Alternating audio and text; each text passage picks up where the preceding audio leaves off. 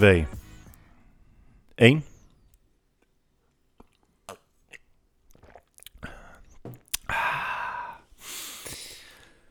Welkom dames en heren, aflevering nummer 12 van Omdat het kan.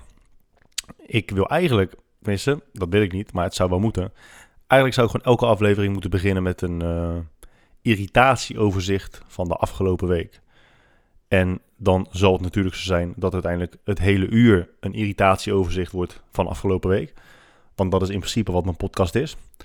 Maar het is wel leuk. Hè? Net zoals bij het nieuws, dat je een soort van... Nou, ik weet eigenlijk ik kijk nooit naar het nieuws. Dus ik, wat ik wilde gaan zeggen was echt compleet gefabriceerd in mijn eigen hoofd. Maar ik ging ervan uit dat als je het nieuws kijkt, dat ze dan eens een soort van kort en snel overzicht zouden geven van wat de hoogtepunten zijn. Maar volgens mij is dat niet zo. Volgens mij als je naar het nieuws kijkt, dan krijg je gewoon echt droge, langdradige stof. Ook een beetje zoals deze podcast. Hey, um, ook deze aflevering weer mede mogelijk gemaakt door Jimmy Joy. Jimmy Joy is nu met uh, kant-en-klare shakes begonnen. Die hebben ze nu in uh, kant-en-klare verpakkingen. 20% van de aanbevolen dagelijkse hoeveelheid nutriënten zitten daarin. En ja, dat is een beetje een algemeen, algemeen hoeveelheid. Niet voor iedereen is dat 20%, maar je weet wat ze daarmee bedoelen. Um, ook mede mogelijk gemaakt door Under Armour. En natuurlijk nog steeds soort van mede mogelijk gemaakt door Coca-Cola. Man, man, man. Wat een week weer. Wat een fucking week. Laten we beginnen met iets wat eigenlijk gewoon... Nou, het was gewoon echt heel irritant. Ik, ik zit er nu gewoon nog steeds mee.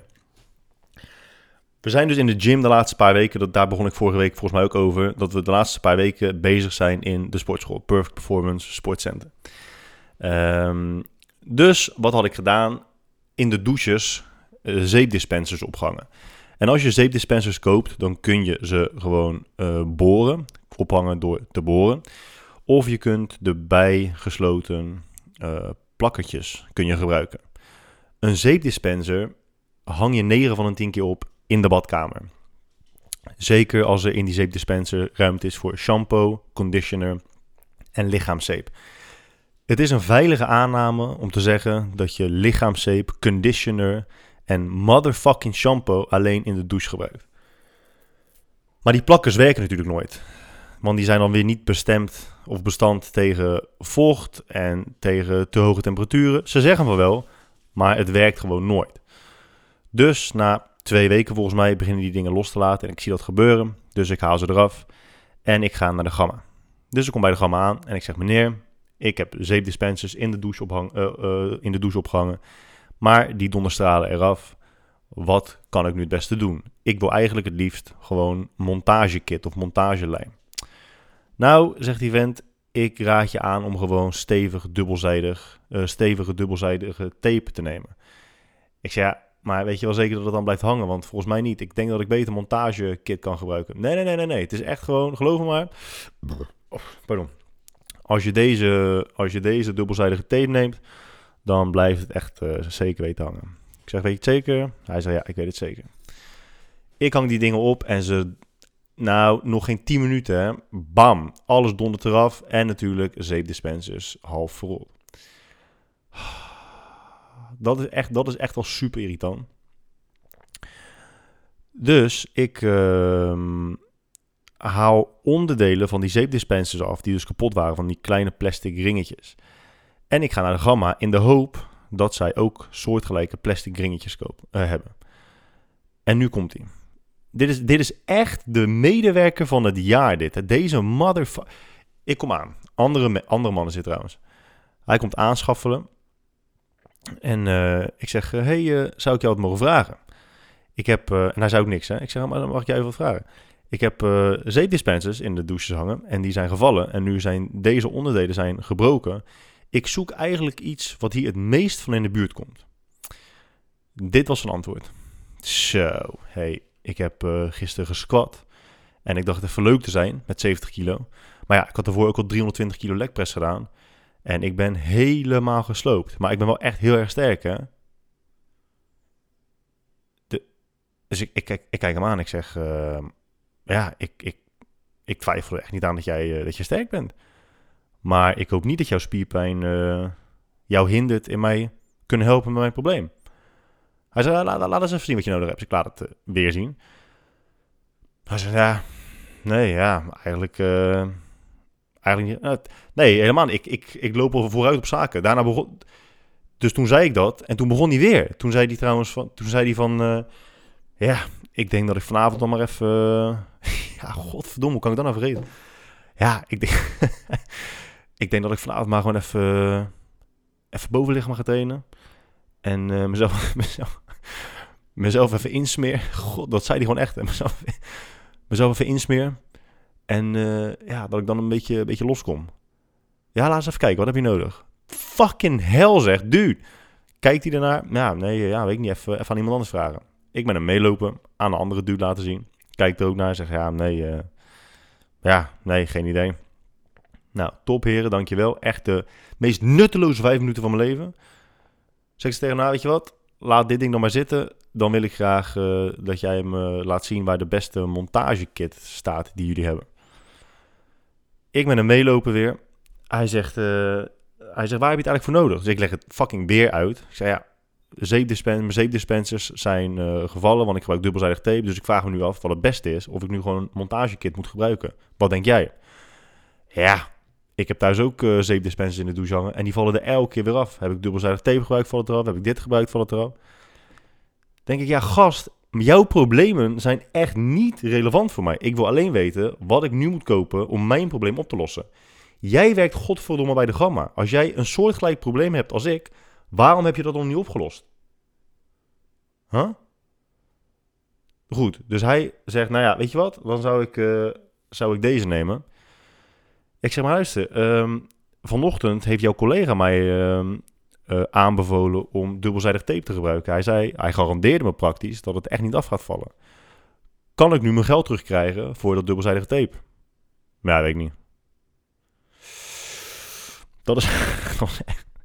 Oh nee, hij zei, hij zei, ja, weet ik niet. Ja, je kan proberen. Dat is, dat is echt de meest nutteloze werknemer aller tijden. Maar je vraagt je natuurlijk af, ja, waarom begon hij opeens heel willekeurig tegen jou over squatten? Ik heb echt geen idee. Ik heb geen idee. Misschien dat hij me toevallig gevolgd, misschien zelfs mijn podcast luistert. Dan zou dit helemaal ongemakkelijk worden. Maar de kans is gewoon groot dat hij me, tenminste, de kans is groot dat hij deed, omdat hij mij in trainingskleding zag. Uh, en daardoor dacht, hey, ik ga even, even levelen met deze kerel. Maar dat was uh, niet het geval. Andere irritatiemomentje van vorige week. Ik had een dingetje geplaatst, een, uh, een video. Um, oh, een video geplaatst van, um, van twee kinderen. En, en die vader zegt dan uh, tegen zijn kinderen van... Wat gaat papa doen op wintersport? En dan zeggen die kinderen allebei tegelijk... Hoerenneuken! En dan zegt de vader... Ja! Kijk, ik vind dat echt heel erg grappig. Maar, en heel veel andere mensen vinden dat ook grappig. Maar er zijn ook heel veel mensen die het niet grappig vinden. Die het echt helemaal niet grappig vonden. Die reageerden met, ja, dit is uh, kindermishandeling. En dit is uh, brainwashing. En dit is toch echt hartstikke slecht. En een slechte invloed uh, hebben die, hebben die, ehm, die ouders op, op de kinderen. En daar ben ik het ook mee eens. Hè? Maar weet je, weet je wat het probleem is? Dingen die sociaal aanvaard zijn, zien mensen en vooral ouders niet als een vorm van kindermishandeling of indoctrinatie of brainwashing. Neem bijvoorbeeld geloof. Het is ook indoctrinatie om vanaf dag één tegen je kinderen te zeggen: luister Sandra, als je, als je lief bent, ga je naar de hemel. En als je stout bent, dan ga je naar de hel. En natuurlijk is dat een beetje um, ongenuanceerd, ondanks dat het wel gebeurt. Maar jouw eigen geloof, jouw eigen normen en waarden op je kinderen forceren, zonder dat ze daar nog de capaciteit, zonder dat ze de capaciteit bezitten om daar zelf over na te denken, is ook een vorm van indoctrinatie. En dat, dat religie nu sociaal en maatschappelijk aanvaard is, dat we denken, ja, weet je, dat, dat is gewoon prima. Het is, het is gewoon prima om jouw God, jouw geloof op je kinderen te forceren. Um, maar om zoiets te doen, om te zeggen van, um, en je kunt natuurlijk altijd zeggen van ja, nee, maar geloof is altijd positief, wat natuurlijk ook onzin is. Het is heel makkelijk om dan te zeggen, ja, als je als je, je kinderen hoerenneuken leert zeggen, ondanks dat ze ook geen idee hebben wat het betekent, dat is echt heel erg slecht. Maar de enige reden dat mensen dat echt heel erg fout vinden, is omdat het zo erg afwijkt van de tussen aanhalingstekens normale dingen die ouders doen, dat dat automatisch bestempeld wordt als, uh, als slecht. En daarnaast, en hier moet je me niet op citeren, je moet het even zelf opzoeken, maar er zijn volgens mij meerdere studies geweest naar de invloed van uh, opvoeding, de, de, de, de hoeveelheid invloed die opvoeding heeft op het kind. En ouders overschatten de invloed van opvoeding behoorlijk. En nogmaals, dat is zijn niet, maar ja, tenminste, het zijn wel mijn woorden, ik spreek er nu uit, maar het is, ik ben niet de persoon die dit verzint. Uh, dus mocht je daar interesse hebben in dat onderwerp, check het dan even. Volgens mij heb je ook het boek uh, Freakonomics. Dus Freak, F-R-E-A-K, Economics, als, als zoals in economics, maar dan Freakonomics. Uh, daar wijden ze ook een hoofdstuk aan. En is best interessant. Weet je, je, ja, we zijn allemaal kind geweest. We, we weten allemaal, zonder uitzondering, dat er een leeftijd komt, veel eerder dan we toe willen geven, zeker als ouder, dat we gaan schelden. En om dan, weet je, dan hoor je je kind voor je, hoor je hem zeggen, godverdomme, of whatever. En dan kunnen sommige ouders heel erg boos worden. Uh, maar je weet dat als, zodra het moment dat hij de deur uit is, of zij, zeggen ze het toch weer. Dus en ik snap dat je grenzen moet aangeven. Je moet bepaalde dingen afkaderen. Je moet kunnen zeggen van ja, hier wil ik het niet horen. En daar mag je doen wat je wil. Maar ja, dat spreek je niet uit. Maar je kunt letterlijk niks anders. Je kunt niet constante invloed uitoefenen. Uh, ik snap dat je de hiërarchie van ouder, kind altijd moet blijven handhaven. Hè? Dus je moet als ouder bepaalde vormen van regels uh, opleggen. Maar ik vind.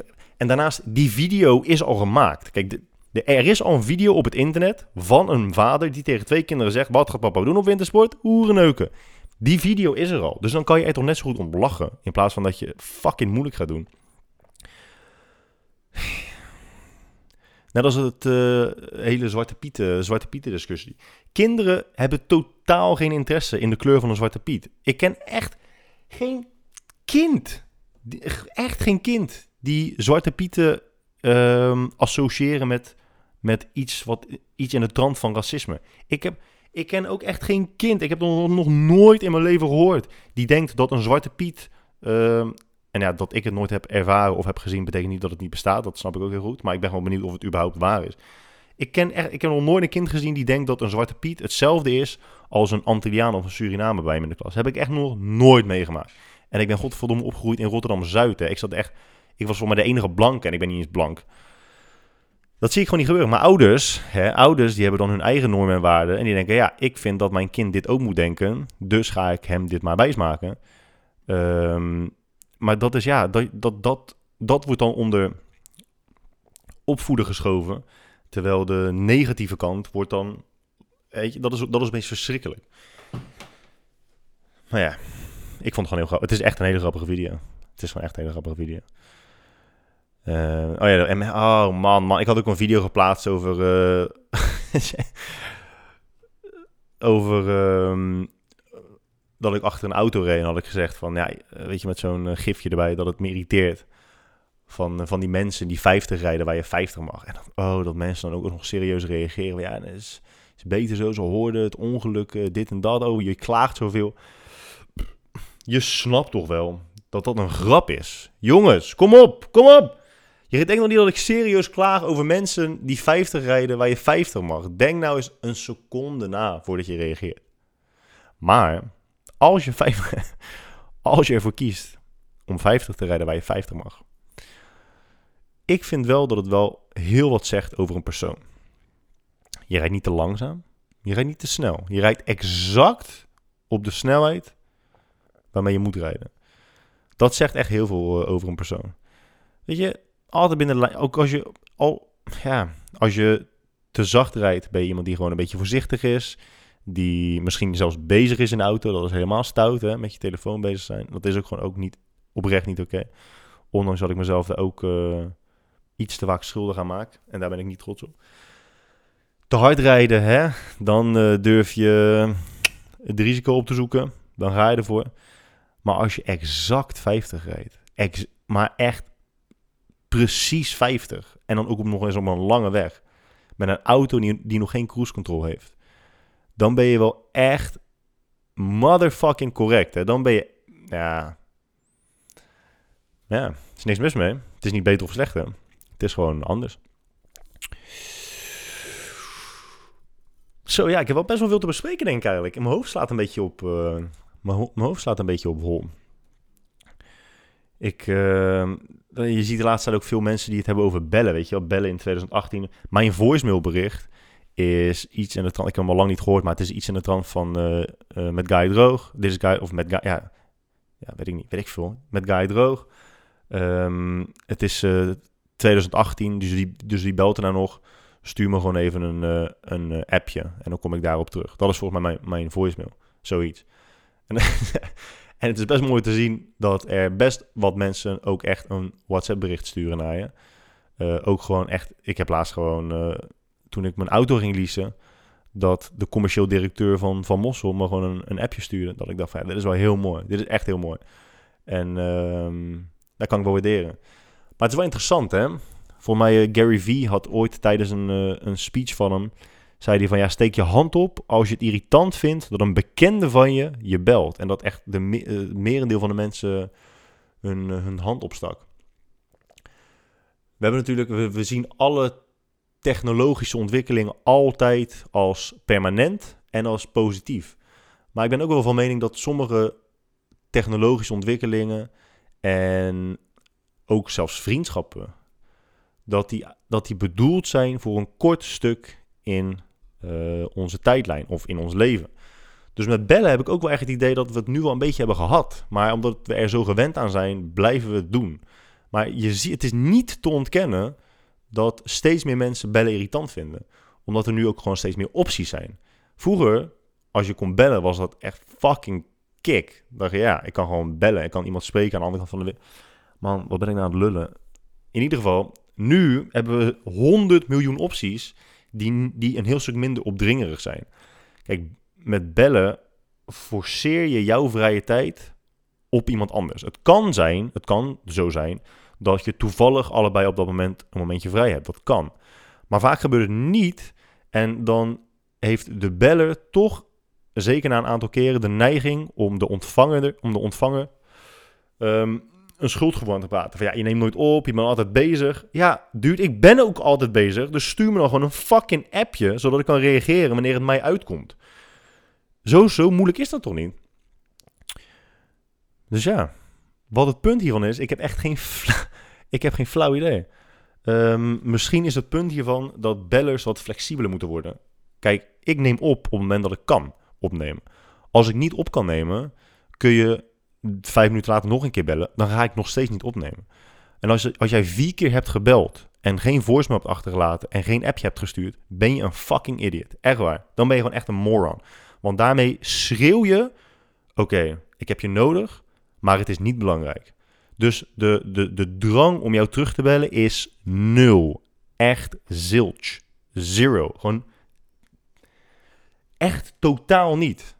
En dat is kut, want hoe vaker jij belt en geen voicemailbericht achterlaat of geen appje stuurt, hoe minder ik de drang voel om jou, om jou terug te bellen, hoe groter jouw irritatie wordt omdat jij mij steeds vaker belt en geen reactie krijgt, hoe minder ik de drang voel om jou terug te bellen. Dus het stopt gewoon niet. Dus de, de oplossing voor alles in het leven is of een, is of een uh, voicemailbericht achter te laten. Want waarom niet? Daar is het voor. Daar is het voor. Als jij belt, doe je dat omdat het daarvoor bedoeld is. Als iemand niet opneemt, krijg je dus een voicebericht van... hey, dit is Guy Droog. Laat even een voice... Nou, oké, dat zeg ik niet. Stuur me gewoon even een appje.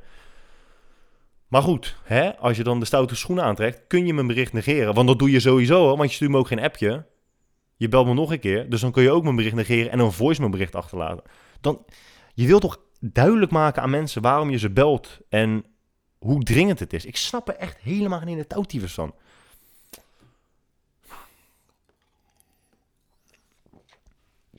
Ik bel eigenlijk ook bijna nooit mensen. Ik vind het ook gewoon irritant. Weet je, mensen, het, blijft, duurt dus zo lang. Het is zo awkward. Hey, met Guy. Hoi. Uh, alles goed? Ja. Ja, met jou? Ja, ja, ook wel man. Ja, thanks. Hey, eh, en dan word je vaak onderbroken. Ja, ik zag dat je... En dan ah, god damn, ik wilde net overgaan op het relevante deel van het gesprek. Maar dat lukt dan niet. Het beginnen is over iets wat ze op Instagram hebben gezien. Moet je dat deel afsluiten. En eh, het is ook altijd onduidelijk, weet je wel. Wanneer je dan, eh, wanneer je dan ophangt, dan, dan zegt iemand... eh, dan zeg je, nou ja, ik spreek later, oké? Okay? You, hoi. En dan die andere, ja, hoi, hey. En dan, dan vaak dus nog iets zeggen. En denk je, oh fuck, moet ik wachten? Maar dan wil je ophangen, dus hang je op. En dan denk je, ah, god damn, misschien was het nog belangrijk. En dan bellen ze tien minuten later terug. En dan neem je niet op. En dan sturen ze ook geen appje. Fuck bellen. Een beller is sneller. Helemaal niet. Een beller is helemaal niet sneller. Want ik bel nooit terug en ik neem nooit je telefoon op.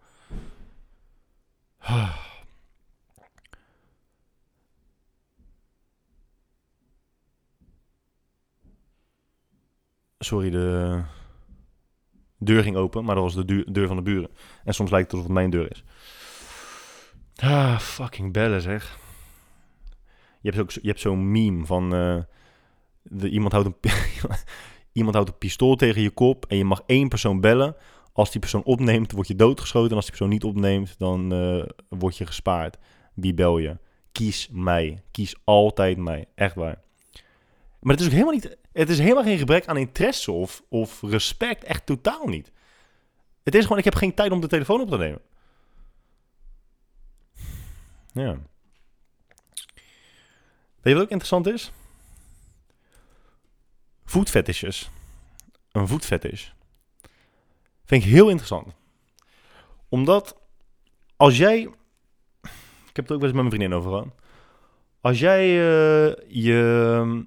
Als jij gewoon tegen iemand zegt... Ja, je hebt, eh, je hebt mooie voeten. Je voeten zien er goed uit. Heb je een voetfetish of zo? Dat is trouwens niet de reactie van mijn vriendin. Hè? Dat is gewoon even een algemene, generieke respons. Heb je een voetfetish of zo? Bitch, als ik tegen jou zeg... Zo, je hebt echt lekkere tieten. Zeg je dan ook... heb je een tietfetish of zo? Nee, ik heb geen tietfetish. Ik heb geen kontfetish. En ik heb ook geen voetfetish. Als je iemand bent die niet alleen maar uit zijn mond hijgt... en dus alleen maar naar tieten en konten kijkt... en alleen maar zegt, oh, je hebt lekkere tieten... dan kan het ook wel eens zo zijn dat iemand gewoon opmerkzaam is. En bijvoorbeeld kan zien van, oh, je hebt mooi haar. Oh, je hebt een mooie hals. Je hebt mooie handen. Je hebt mooie voeten. Waarom is het als iemand iets zegt over andermans voeten... dat het gelijk een fucking voetfetish is? En weet je wat, weet je wat interessant is? Dat, is? dat is het meest ironische. Als je zegt, jij hebt mooie voeten... dan is dat een observatie. Hè? Dus je, merkt dat, je ziet dat, je merkt het op en je spreekt het uit. Je hebt mooie voeten. En dan zeggen mensen af en toe, soms, regelmatig... Ja, ik vind voeten echt lelijk. Maar als je iets lelijk kan vinden, dan moet je het ook mooi kunnen vinden. Want lelijk is, is een, een, vaststelling in vergelijking tot het tegenovergestelde ervan. Dus mooi. Want als je het in een lijn ziet, heb je rechts lelijk, links heb je mooi. Jij kiest ervoor om het helemaal rechts te plaatsen op de lijn. Maar dat betekent wel dat- de lijn bestaat. Dus jij weet godverdomme ook wel wanneer iets niet lelijk is. Al, je hoeft het niet eens, mooi te, niet eens mooi te noemen. Niet lelijk. Dus ook in jouw realiteit bestaan er gradaties in het beoordelen van alles, waaronder voeten. Maar als jij dan zegt, ja, die voeten zijn niet lelijk, of die voeten zien er goed uit, is het oké. Maar als iemand anders zegt, hé, hey, mooie voeten. heb je een voetfetish? Nee bro, ik heb geen voetfetish. Het is een voetfetish als jij een chick bekijkt van top tot teen op het strand en ze ziet er echt gruwelijk uit. Zeker een 8,7. En dat je dan alleen maar kan denken, zo, ik zou wel even mijn tong tussen alle tenen willen laten glijden. Dan kan je zeggen, nou, jij hebt waarschijnlijk een voetfetish. Maar gewoon alleen maar iets opmerken over een lichaamsdeel is echt helemaal niet de definitie van een fucking fetish. Oké? Bijvoorbeeld, eh, ja, als jij iemand bent die van tongen houdt, hè? een beetje lebberen, bekken. Oh, ik haat dat als iemand zegt, als mensen zeggen bekken, dat zeggen ze vaak in het zuiden volgens mij. Even lekker bekken. als jij van eh, zoen houdt met tong, dan doe je dat waarschijnlijk omdat je een tong lekker kan vinden. Maar zie je wel eens van die, heb je wel eens van die feestfoto's gezien van mensen dat ze dan hun tong uitsteken, zo. eh. Maar ik word er gewoon zo misselijk van als ik daaraan denk. Hoor. Maar ik snap, ze- waarom moet je je tong uitsteken op de foto? Waarom doe je dat? Heb je, mensen hebben echt oprecht het idee dat als ze hun tong uit, en dat bedoel ik niet zo schattig en zo, hmm, ik bedoel echt je tong echt uit je bek steken. Mensen hebben het idee dat als ze dat doen, dat ze dan anderen het idee kunnen geven van, nou, ik heb het zo, ik heb het zo naar mijn zin. Ik heb het vandaag zo naar mijn zin. Ik heb het zo naar mijn zin dat ik mijn tong uit mijn bek ga steken. Want dan kan iedereen zien hoe erg ik het naar mijn zin heb gehad. Je tong uit je mond steken staat helemaal niet in relatie tot hoeveel je het naar je zin hebt gehad. Echt helemaal niet. Dus hou gewoon die vieze, ranzige tong in je smoel. Want het moment dat mensen hun tong uit gaan steken, is vaak het moment dat ze al 20 witte wijn op hebben en 18 sigaretten. En dan krijgen ze zo'n groen. Oh, ik ben er echt misselijk van. Dan krijgen ze zo'n groen-gele gloed over die tong heen. En dan steken ze hem uit. En dan denk ik. Oh, als, als ik nu zou sterven, zou het gewoon echt een verlossing zijn. Waarom doe je dit? En op dat moment is een tong fucking vies. Hè? Terwijl als je zoent met iemand die niet zo'n tong heeft, denk je, oh, een tong is lekker. En je kan een tong alleen maar lekker vinden, of een tong alleen maar vies vinden, als het tegenovergestelde daarvan ook bij je bekend is. En met voeten is dat gewoon hetzelfde. En mensen die zeggen, nee, ik vind alle voeten vind ik lelijk. Of, hou, hou je mel gewoon. Wie zegt, wie zegt er nou weer zoiets? Wie zegt er nou weer, ik vind alle voeten lelijk? Het is gewoon een lichaamsdeel. Het is, gewoon, het is toch gewoon een deel van je lichaam. Wie zegt er nou weer, ik vind alle voeten lelijk? Niet alle voeten zijn lelijk. Hoe kan je nou zeggen dat alle voeten hetzelfde zijn? Hoe kan je nou de voeten van een fucking verzorgd persoon met gewoon verzorgde nagels, geen, geen spikkeltje eelt. Het ziet er gewoon top uit. En daarnaast neem je een, een dakloze die al 34 jaar op zijn blote voeten loopt. Die 8 centimeter eelt heeft op heel zijn voet. Die nog nooit zijn teennagels heeft geknipt. Die acht, waarbij 8 van de 10 teennagels ingeroeid zijn. Hoe kan je dan zeggen, ja, die zijn lelijk en die zijn ook lelijk? Dan ben je toch echt achterlijk. Dat kan je toch echt niet serieus menen? Oh, dat kan toch gewoon niet. Ik hoop echt dat er niemand is die zo denkt. Want anders ben je, zijn wij kunnen wij nooit vrienden worden. Niet eens, dan kunnen we niet... Ah, nee, dat kan gewoon echt niet. Dat is echt zo kortzichtig, zo apart als je dat denkt. En wees ook blij. Wees blij dat mensen iets anders aan je opmerken dan alleen maar je neptieten en, uh, en ja, alleen dat eigenlijk wel leuk. Bijvoorbeeld, uh, ja, je hebt ook echt vrouwen die kunnen een, uh, een mooie hals hebben, een mooie halslijn. Of, weet je wel, niet dus, dus stuk boven je tieten. Gewoon vanaf je keel zeg maar naar beneden. Ja, bij sommige vrouwen is dat heel erg gerimpeld en vies. En bij anderen is het gewoon heel glad en egaal. En denk ja, dat ziet er mooier uit dan die balzak die daar tussen de borst hangt. Ja, of rug. Sommige vrouwen hebben gewoon een mooie rug. Andere vrouwen hebben geen mooie rug. Heb ik, heb ik dan een rugfetish? Nee, op donder. Ik heb geen rugfetish. God damn. Nou, hebben we dat uh, probleem ook getackled.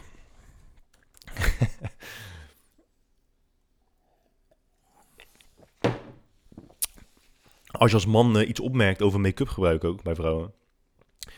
Dat je dan zegt van... Uh, dat is trouwens ook echt heel, heel fucking raar, hè? Oh dat is meestal hoe dat gesprek loopt. Dat je dan zegt van, uh, ja, ik vind het bijvoorbeeld niet mooi als, als vrouwen hun make-up, hun gezicht make-uppen. Maar dat ze dan alleen maar langs de kaaklijn doen, weet je wel? Dat ze dan niet de nek en de hals meenemen. En dan heb je... er zijn... Als het gaat om make-up zijn vrouwen zo de grip op de realiteit kwijt. Er zijn namelijk heel veel vrouwen die denken dat je make-up alleen maar goed ziet omdat de vrouw in kwestie, waarbij je, dus het, waarbij je het dus goed ziet, dat zij het niet goed doet. Dat zij niet goed haar make-up doet. Of sterker nog, dat het merk dat ze gebruikt niet goed is. Nee, nee, nee, je ziet, je ziet het bij haar heel goed, omdat ze het gewoon niet goed kan. Oké, ik, ga, ik ga dadelijk twee geheimen verklappen. Dit is het eerste geheim. Als jij veel make-up draagt, het maakt niet uit hoeveel YouTube-video's je hebt gezien om jezelf te make-uppen. Je ziet het altijd. Altijd. A-L-T-I-J-D. Je ziet het altijd. Als jij veel make-up op doet, dan zie je het altijd. Het maakt me echt niet uit of jij je huidskleur op exact dezelfde kleurcode hebt als je, als je make-up. Als jij veel make-up op doet, dan zie je het altijd. Ik heb in een uh, ver verleden, en ja, ik hoor je nu denken, nee, het is echt niet waar. Het is echt 100% waar. En als jij denkt dat het niet waar is, is dat echt omdat je jezelf dat hebt wijsgemaakt. Weet je nog toen je kind was, dat je zei, ik weet zeker dat Sinterklaas bestaat. Dat dacht je omdat je jezelf en anderen, en, en anderen je 100% hadden wijsgemaakt dat dat de waarheid was. Dat is nu ook het geval. Je ziet het altijd. Ik heb in een ver verleden ook uh, een beetje modellenwerk gedaan voor uh, Philips, Bijenkorf, uh, O'Neill. Zal ik nu gewoon een hele lange lijst opnoemen, dat ik echt heel stoer kan doen. Dat jullie ook denken, zo, is echt een top, topmodel geweest. Maar daar werden dus ook vrouwen gewoon altijd heel mooi opgemaakt door echt hele, hele goede visagisten. Niet altijd, maar vaak wel.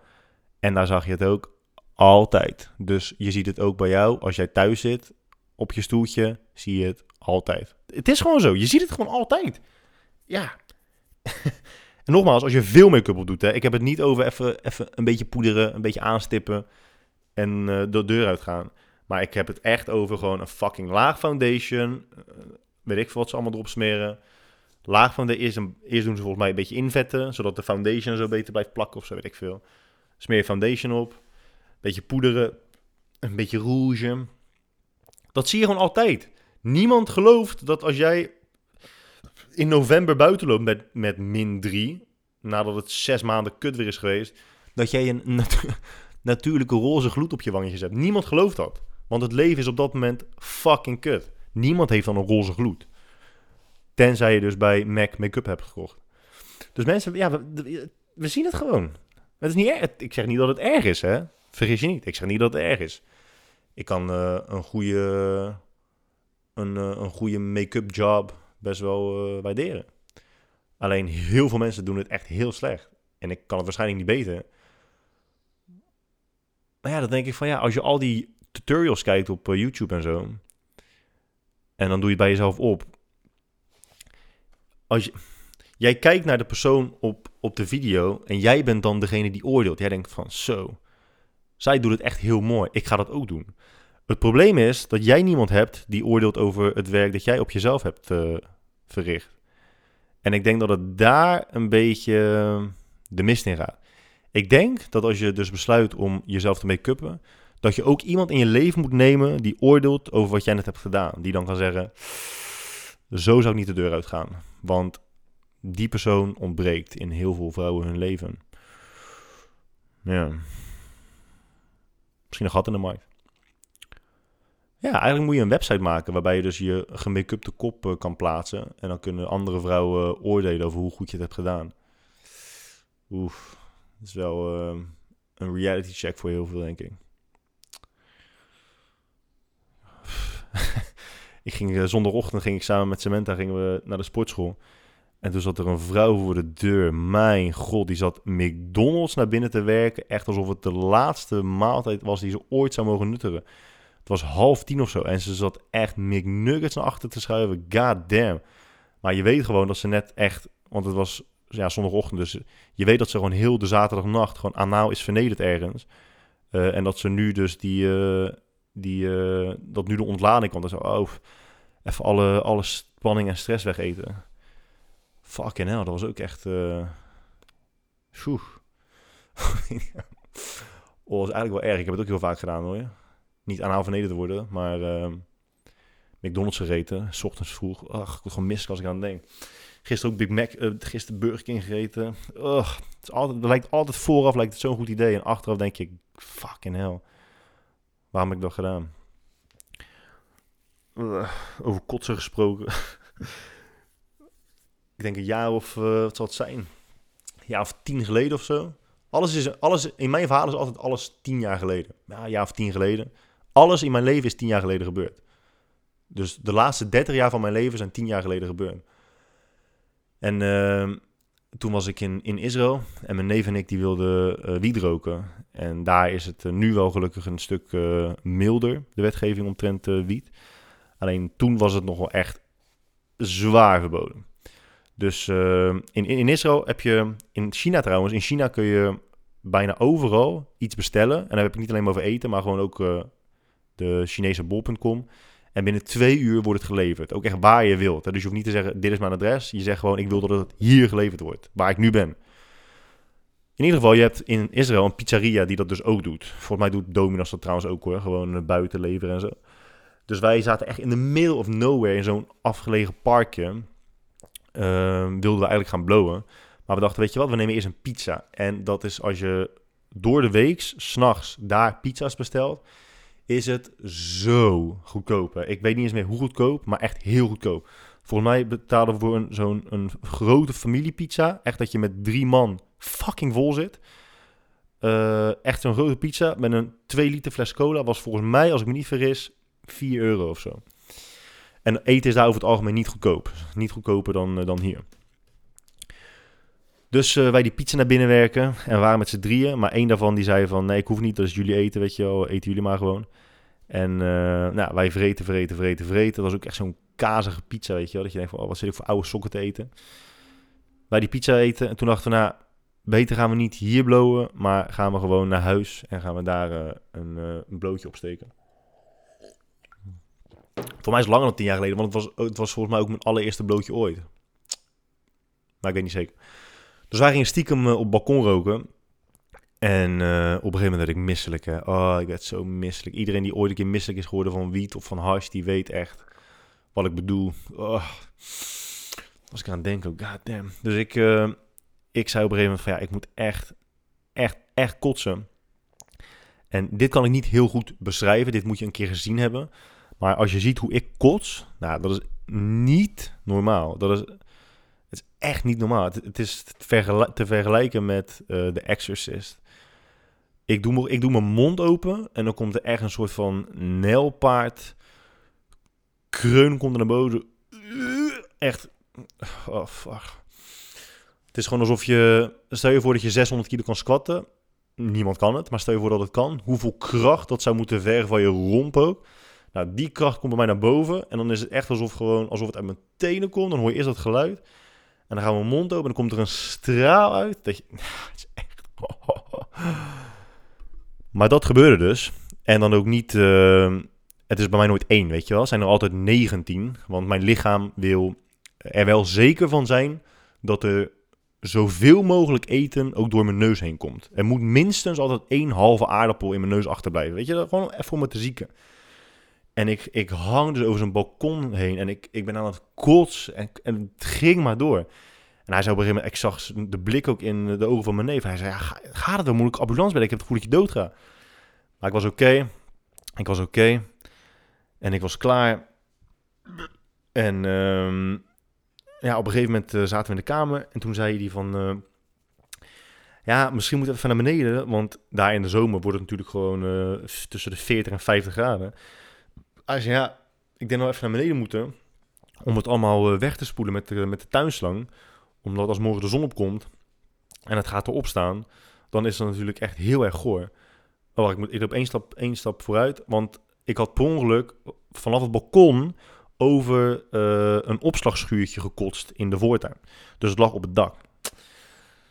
Dus eh, we lopen naar beneden en ik was echt, echt heel ziek. Dus hij, hij ging het voor me doen en ik ging er gewoon als een fucking nutteloze idiot ging ik ernaast staan om te kijken. Dat is tijdens een barbecue. Ja, bij de, als mannen barbecue moet er altijd één idiot naast staan die gewoon nutteloos is. Maar die wil doen alsof die, alsof, alsof die wel van toegevoegde waarde is. Dat je naar het vlees kijken. Oh ja, zo. Zo, die, ja. Oh, ja, die, zo, die, ja, moet je die niet omdraaien? Ja, die moet je omdraaien, denk ik. Ja, die is ook al klaar. Nee, dude, die ligt er net één seconde op en dat is kipsaté. Dat ga ik er niet afhalen. Dit is niet, hij is nog niet klaar. Oh, oké, oké, oké. Ja, ja. Die heb je altijd. En zo was ik tijdens eh, het uh, schoonmaken met mijn neef. En op een gegeven moment, eh, hij zegt, voor mij gaat het regenen. Ik zeg, wat? Het is fucking zomer in Israël. Het regent hier nooit. En hij kijkt om zich heen, hij kijkt omhoog. Staat hij onder een boom. En ik had heel die boom fucking ondergekot. Dus hij stond echt al, weet ik veel hoe lang, voor mij een kwartier lang stond hij met zijn tuinslangetje. Echt zo'n een verslagen gezicht, weet je wel. Zo'n een gebochelde bovenrug, tuinslangetje in zijn hand. Stond hij, sipje stond hij mijn kots weg te spoelen. Totdat hij er dus achter kwam dat hij echt al zo lang onder mijn kotsdruppel stond. Ah, weet je, als je geen publiek hebt en je vertelt een verhaal en je hoort niemand lachen, denk je ook van... Ish, pijnlijk. Ik weet niet eens of dit grappig was. Maar ik vond het wel grappig. Alleen soms vind ik dingen grappig en dan vindt niemand het grappig. Dan denk ik, hè? Soms plaats ik iets En dan krijg je zoveel reacties dat ik denk van... Hmm, volgens mij was dit echt helemaal niet grappig. Ik had ooit een een video geplaatst. Echt, ik dacht, ja, is misschien wel leuk. Liep ik buiten. Toen zei ik van, uh, ik weet het niet eens meer. Ja, de zomer komt er nu echt aan, weet je wel. Uh, je hebt nog twaalf weken. Wil jij nou nog uh, snel in shape komen voor de zomer? Ja, dan ben je te laat. Ja, dan heb je gewoon fucking pech, want het is veel te laat. Zoiets. Ik heb daar volgens mij een miljoen reacties op gehad. zo grappig, man. Echt. Ja, oké. Ik vond het eigenlijk niet zo heel leuk, maar ik ben blij dat je, dat je het grappig vond. En soms plaats je iets en denk ik, ja, ik vind het wel heel grappig. En dan vindt niemand het grappig. Nou, dat vind ik eigenlijk best wel lullig. Ik had vandaag een eh, foto geplaatst van... mensen, overal waar mensen komen, weet je wel, Rio de Janeiro... Overal, Rio de Janeiro... Overal is ook Rio de Janeiro, ja. Dus overal waar mensen komen, uh, plaatsen ze vaak foto's van uh, street art, weet je wel, graffiti en zo. Gravity, graffiti. Mm, en dan zeggen ze erbij, ja, weet je wel, London street art, Amsterdam street art, super mooi. Dus vandaag was ik in Schiedam en iemand had op een muur gewoon twee penissen getekend. Maar echt heel, heel lelijk, weet je, zoals je doet in groep 3. Dat je net weet hoe een penis eruit ziet. Gewoon twee rondjes en dan zo'n slurfje en dan een, een half, uh, een circulair een boogje en een puntje. Dus ik had dat geplaatst en ik had gezegd, uh, I love street art of zo, weet je. Nou, echt nul reacties. Donder op dan. Ja, ik vond het echt heel. Ik vond het gewoon grappig.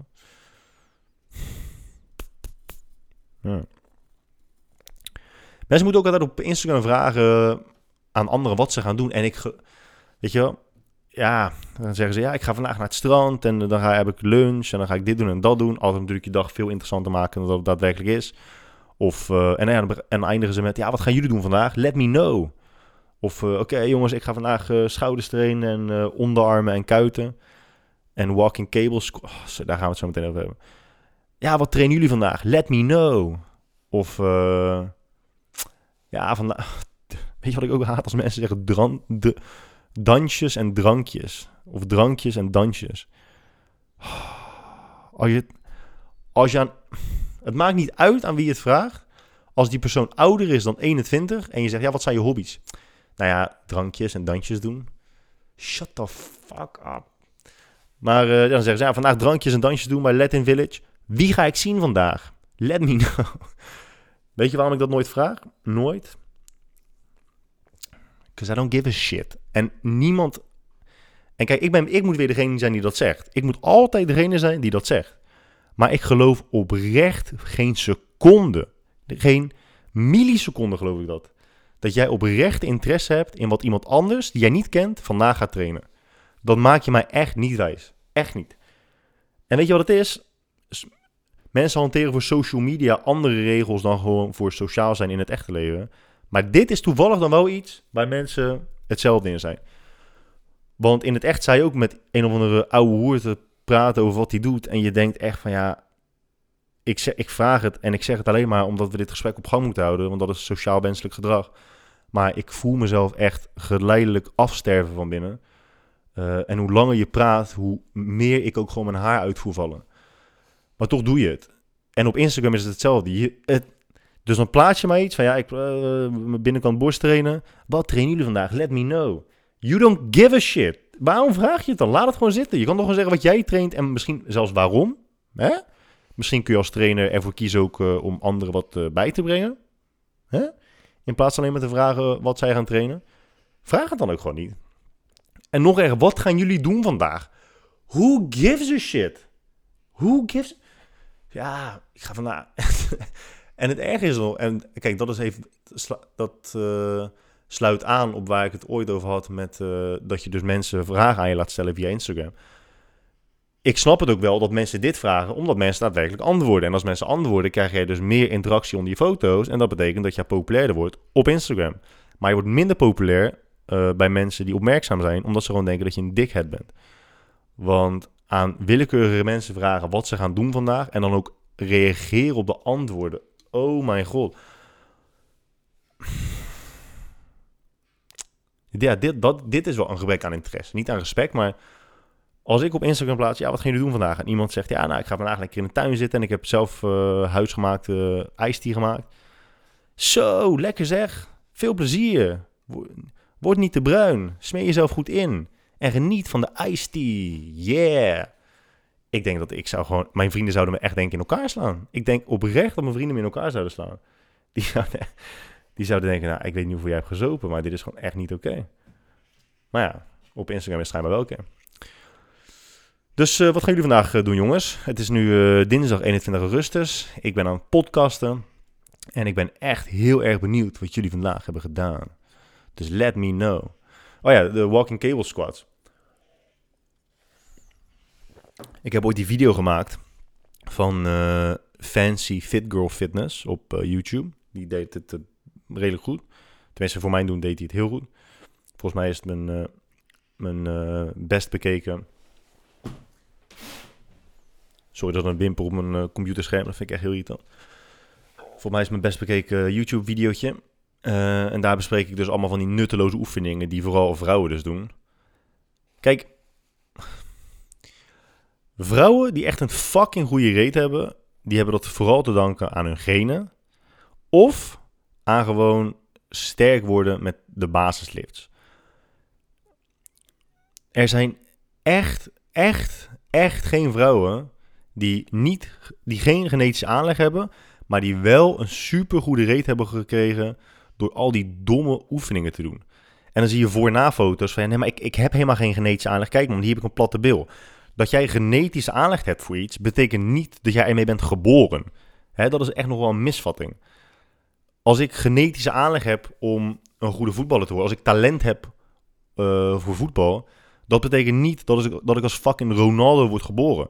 Ik moet nog steeds veel werk verrichten, maar minder werk dan iemand met minder talent.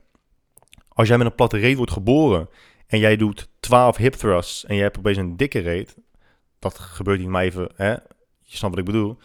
Dat betekent dat je dan genetische aanleg hebt. Uh, het betekent niet dat jij met een gruwelijke bil wordt geboren, want dat heeft bijna niemand. Maar als je gewoon kijkt naar de krachtsport, mannen hebben in mannen in de krachtsport hebben bijna altijd een betere bil dan vrouwen.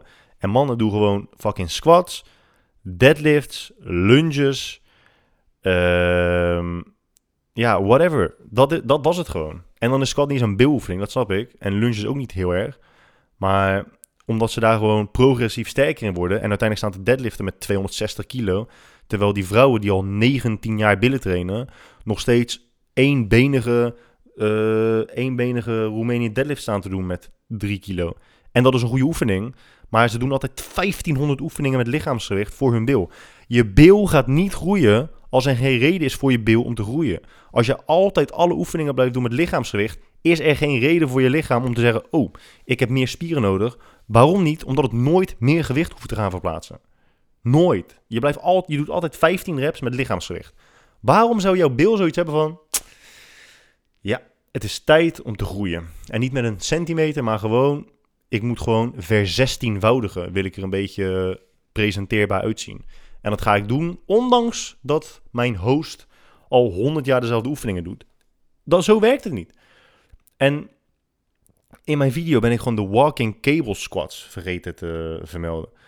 Dat is die oefening dat vrouwen laag gaan zitten. Dan pakken ze die stang, pakken ze een stang onderin de cablepulley vast. En dan gaan ze laag, gaan ze als een, als een fucking mijnwerker aan de grond lopen. Wat, wat ben je nou aan het doen? Kijk, weet je wat het ook is? En ik heb het in mijn video heb ik daar ook kort over. Ik snap dat je trainen zo leuk mogelijk wil maken. En ik snap dat variatie in oefeningen daaraan bijdraagt. Mijn visie als het gaat om trainen is ook dat uh, het leuk moet zijn. Ik heb helemaal geen zin om mensen oefeningen door een strot te forceren als ze het niet leuk vinden. Maar als jouw doel een mooie bil creëren is, of mooie benen, of whatever, zorg er dan eerst voor dat je de basis onder de knie hebt. Al die wijven, al die dames, die kunnen nog niet eens op een hele degelijke manier 40 of 50 of 60 kilo squatten. Dat kunnen ze niet. Ze squatten sowieso al echt belabberd. Altijd die heupjes naar voren, weet je. Even extra je billen trainen met een squat. Wat niet werkt, omdat je verticale spanning hebt tijdens een squat. Dus die heup naar voren duwen heeft geen zin, want er is geen weerstand. Dan kan je net zo goed gewoon je tanden staan gaan poetsen en dezelfde beweging maken. Dan is de weerstand voor je bilspier net zo hoog. Dus hou ermee op. Maar ga nou eerst leren squatten, degelijk leren squatten. Word daar eens sterker in. Word eerst eens sterker in Romanian deadlifts. Word eens sterker in goede hip thrusts. Ga nou niet beginnen met fucking donkey kicks, walking cable squats, curtsy lunges, al die onzin waar je echt helemaal geen reet aan hebt. Echt niet. En de enige reden dat het me zo opfokt is omdat ik het zo irritant vind om te zien hoeveel mensen met tegenzin of enige tegenzin langdurig en consistent naar de sportschool gaan, om vervolgens ook nog eens het merendeel van hun tijd gewoon te verzieken. Dat is echt heel irritant. Dus doe dat gewoon even niet. Dat zou wel echt heel chill zijn. Ja. Hetzelfde, geldt, hetzelfde geldt voor voedingsschema's. Dus ik begin gewoon te zweten, zo erg... Uh, zo passievol ben ik, hè, als ik het over fitness heb. Zoveel passie komt er dan uit me. Wij krijgen bij... Uh, ik wil ook nog iets zeggen over Be The Brand, volgens mij, maar ik weet niet meer waar. Mm, nou wij krijgen bij Perfect Performance krijgen we vaak mensen bij de opleiding en die uh, willen het dan ook hebben over voeding en zo, weet je, voedingsschema's. Uh, het is natuurlijk een hele belangrijke schakel in de keten als het gaat om je cliënten coachen. Voedingsschema's. En het is ook gewoon populair voor de consument, want iedereen wil een voedingsschema. Maar als je een voedingsschema hebt, nou, dan, wordt het serieuze zaak. Op het moment dat je een voedingsschema binnen hebt voor je coach, dan wordt het serious business. Maar waarom werken voedingsschema's nou niet? Kijk, het is een generalisatie als ik zeg waarom werken voedingsschema's niet. Want soms werken voedingsschema's wel, maar meestal niet. Meestal niet. Als je, het, als je het procentueel uit zou moeten drukken, denk ik dat het misschien in 10% van de gevallen werkt. En dan heb ik het wel vooral over de lange termijn. Mensen die. Kijk,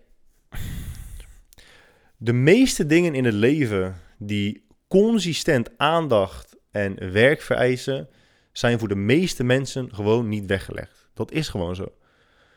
Dus als het gaat om een succesvol bedrijf opbouwen, uh, zelfstandig ondernemen, profvoetballer worden, proftennisser worden, gewoon professioneel atleet worden, maar ook fit worden, afvallen, uh, sterk worden. Dat zijn allemaal dingen die consistent aandacht, tijd, moeite, um, et cetera. Mooi dat, hè? Als je gewoon, als je niet uit je woorden komt dat je zegt, et cetera, of. Um, maar dat, dat is vereist. En de meeste mensen kunnen dat gewoon niet opbrengen. Dat is niet erg, want het is ook gewoon fucking moeilijk. Als het niet fucking moeilijk zou zijn, zou iedereen het doen. Maar niet iedereen doet het, omdat het voor de meeste mensen niet is weggelegd. Dat is gewoon de simpele realiteit uit het leven die de feel-good generatie van tegenwoordig niet onder ogen durft te zien. Want al die motherfuckers tegenwoordig denken dat alles door iedereen te behalen is. Oké, dipshit, zie je mij ooit een NBA-speler worden? Ja, als je het graag genoeg wilt wel. Nee, dat gaat nooit... Dat gaat nooit gebeuren! Dat gaat gewoon niet gebeuren. En de kunst, de kunst is niet mensen maar blijven vertellen dat ze het wel kunnen als ze het graag nog willen. De kunst is je beperkingen herkennen, uh, je krachten herkennen, weten waar je je tijd in moet steken om vervolgens daarin uit te kunnen blinken. Maar niet maar gewoon doelloos, hopeloos, stug vol blijven houden dat je het wel een keer gaat redden. Maar goed, dat is, de dat is de eerste reden. Dat voedingsschema's of überhaupt fit worden voor de meeste mensen niet werkt. Omdat het gewoon te moeilijk is en te veel tijd en aandacht kost. En dat kunnen de meeste mensen gewoon niet opbrengen het is gewoon heel makkelijk om jezelf over te geven aan de natuurlijke flow van het leven. Uh, en dat is ook heel prettig, hè? vergis je niet. Nogmaals, ik zeg niet dat het beter is of slecht. Ik, het is gewoon, ik spreek het gewoon uit. het is een, een uh, um, het is gewoon hoe het werkt. Maar in heel veel gevallen is het met de natuurlijke flow meegaan van het leven echt heerlijk. Uh, vergt ook veel minder koppijn, minder stress. Het is gewoon, het is gewoon top. Maar waarom voedingsschema's niet werken voor mensen die daar wel tijd en moeite in willen steken, al is het maar tijdelijk, is omdat het gewoon. Hoe kun je denken dat als iemand de eerste 25 jaar van zijn leven, of nou niet de laatste, de laatste 25 jaar, opstaat, meestal niet ontbijt, of misschien onderweg naar zijn werk iets uit, de, uit bij de BP haalt, uh, weet je, lekker, uh, een lekker broodje bal, of een sausijzenbroodje, of een croissant. Maakt niet uit, gewoon iets. Komen ze op het werk aan, nemen ze lekker een, uh, een grote kop koffie met acht klontjes, nou, gewoon met een paar klontjes suiker. Ze hebben natuurlijk een snoeblade, er ligt een Twix. Nou, weet je, het is 10 uur, 11 uur, neem lekker een Twix, who gives a shit. Stop een Twix in je mond.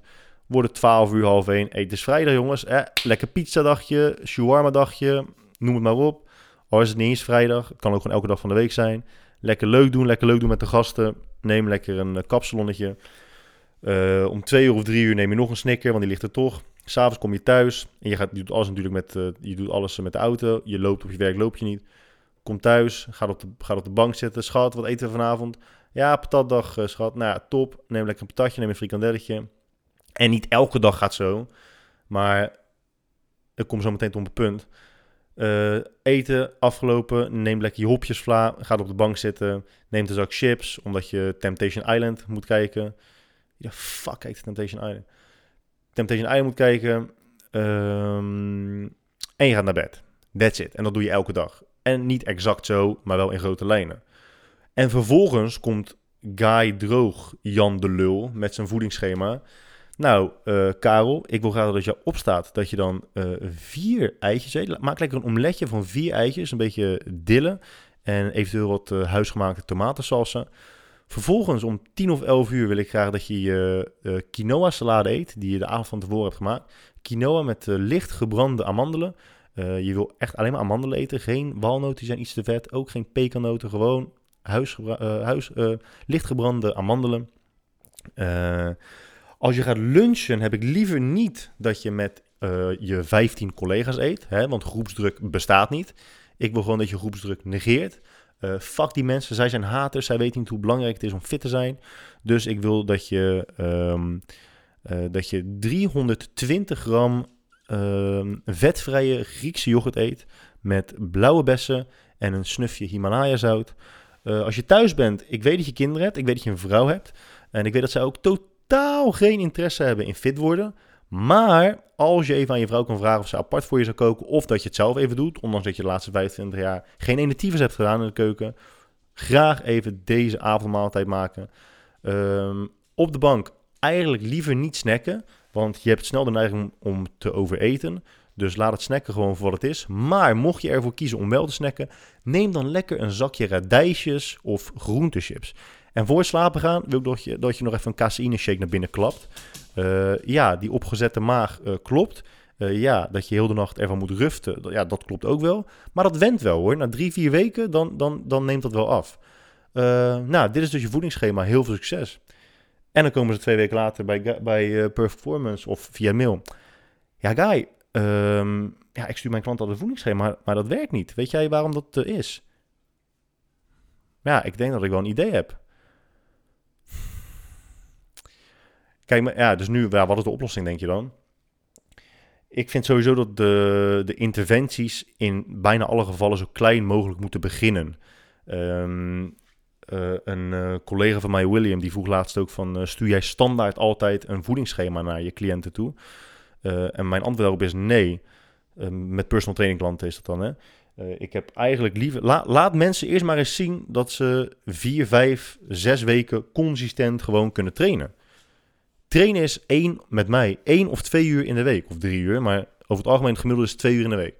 Als jij niet, laten we, zeggen, laten we zeggen twee uur in de week. Vier weken lang volhouden, dat is acht uur. Breng, als jij niet acht uur lang, acht, uur, acht trainingsuren op kunt brengen, ga je mij echt niet van overtuigen dat je alle overige uren je kunt houden aan een voedingsschema. Dat gaat er bij mij echt niet in. En uh, uit de praktijk is ook wel gebleken dat die aanname klopt. Dus als ik het gevoel heb dat iemand een beetje zijn, zijn, zijn flow begint te vinden, er een, lekker een beetje inkomt, dan gaan we kijken, nou, hoe gaan we nu het proces optimaliseren vanaf hier? Of beter maken. We gaan niet gelijk, ik begin niet gelijk met hop, bam, dit is exact wat je moet eten. Je moet alles tot op de gram afwegen. Het verschilt heel erg per persoon. De ene persoon die krijgt, hoe minder goed iemand weet wat ze moeten doen, hoe makkelijker het moet zijn om de eerste stap te zetten. Je gaat niet iemand 180 graden om laten draaien om vervolgens iets heel iets anders te laten doen. Dat gaat bijna nooit goed. Dus mensen die echt totaal geen besef hebben van wat ze moeten eten, die krijgen gewoon een lijst, een, een grote lijst met dit is alles wat je zou mogen eten. En ja, dan is de kans op overeten bestaat nog steeds, maar de kans wordt wel kleiner, want de kans is gewoon veel kleiner dat jij overeet op, uh, aardappelen met biefstuk dan dat je overeet op kaassoevlees of whatever. Gewoon iets in die troon.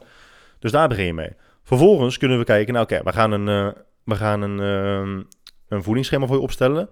Maar er staat niet exact in wat je moet eten. Tenminste, er staan wel grammen en dergelijke in. Maar in plaats van dat ik zeg, je moet rijst eten of aardappelen eten of, uh, of pasta eten met kipfilet of kalkoenfilet of whatever, staat er, ik, zeg, ik heb deze podcast echt heel veel whatever gezegd. Waarom weet ik eigenlijk niet.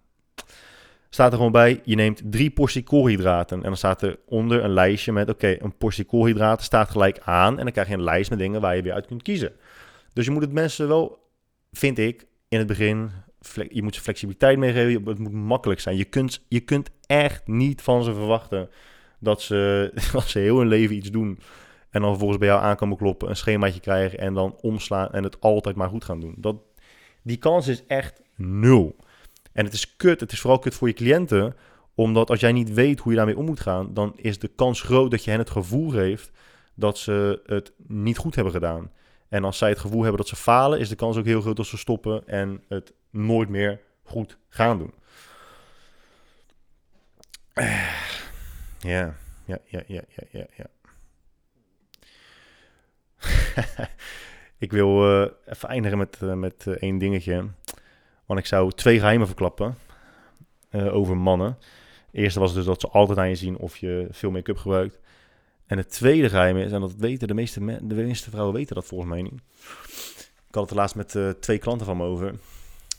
Weten vrouwen... Nee, laat ik het zo zeggen. Als een man tegen een andere man zegt... hey, wil je even aan mijn vinger ruiken? Als ik het zo zeg, weten vrouwen waarschijnlijk, ah, dan weet ik wel wat je bedoelt. Maar weten jullie dat mannen dat ook echt daadwerkelijk doen? Dus een, uh, een uh, ik weet niet hoe ik opkwam met een klant, zei ik tegen de grap van, ja, wil aan mijn vinger ruiken? Want ik had iets aan mijn hand. Niet wat je denkt, niet waar dit verhaal over gaat, maar er was al iets aan mijn hand of zo. En uh, op een gegeven moment vroeg ik uh, aan, uh, aan zijn vrouw, die het uh, nogal een ongemakkelijk gesprek vond. Zei ik van, nou ja, weet je dat? Weet je dat, dat jij bent door meer mannen geroken dan je waarschijnlijk denkt via de vingers van mannen waarvan je wel weet dat ze aan je hebben gezeten, dat ze je wel hebben geroken. Nou, dat was nieuwe informatie. Toen dacht ik, oh, ik ga het ook eens aan een andere klant vragen. Toen zei ik ook van, ja, wist je, wist jij dat mannen dat doen? Maar dat was, dat was bij haar dus ook niet bekend. En uh, ja, we hebben natuurlijk in een eerdere aflevering al een keer over stinkpushes gehad. Als een man erachter komt dat jij een stinkpusje hebt, uh, weet dan wel dat al zijn vrienden er dezelfde dag ook nog achter komen. Hè? Want mannen doen dat echt. Die gaan echt naar hun vrienden toe en die zeggen: Hey, uh, weer even, weer, moet je eens aan mijn vinger ruiken. Het is best wel nasty, maar het, uh, het gebeurt wel. En toen dacht ik: Ja, vrouwen hebben waarschijnlijk ook zulke geheimen.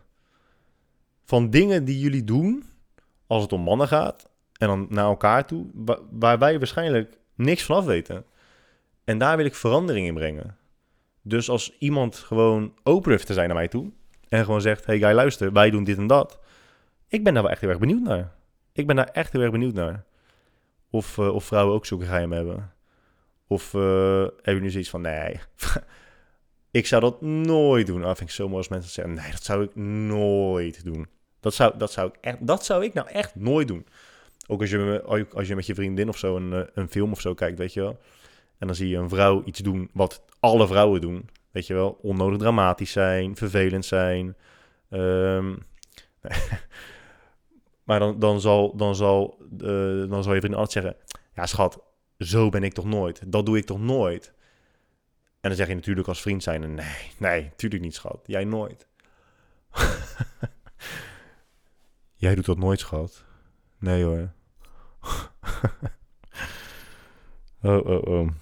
Misschien moet ik het eh, hierbij houden. Dadelijk ga ik uh, mezelf nog verspreken en dan heb ik uh, vanavond ruzie. Nee, is gewoon. Nee. Hey, ja, ik hoop dat ik enigszins de vorige aflevering goed heb gemaakt. Die was een beetje, die was een beetje kort. Vandaag hadden we gelukkig meer om over te kletsen met elkaar. Uh, dit was aflevering 12 van Omdat het kan. Ik zie jullie heel graag weer een volgende week. En voordat je deze aflevering afsluit, neem dan even een seconde de tijd om gewoon te abonneren op YouTube. Of even te abonneren op SoundCloud. Of even te abonneren op iTunes. Want daar heb ik echt heel erg veel aan. En mocht ik je eh, het laatste uur één keer hebben laten glimlachen.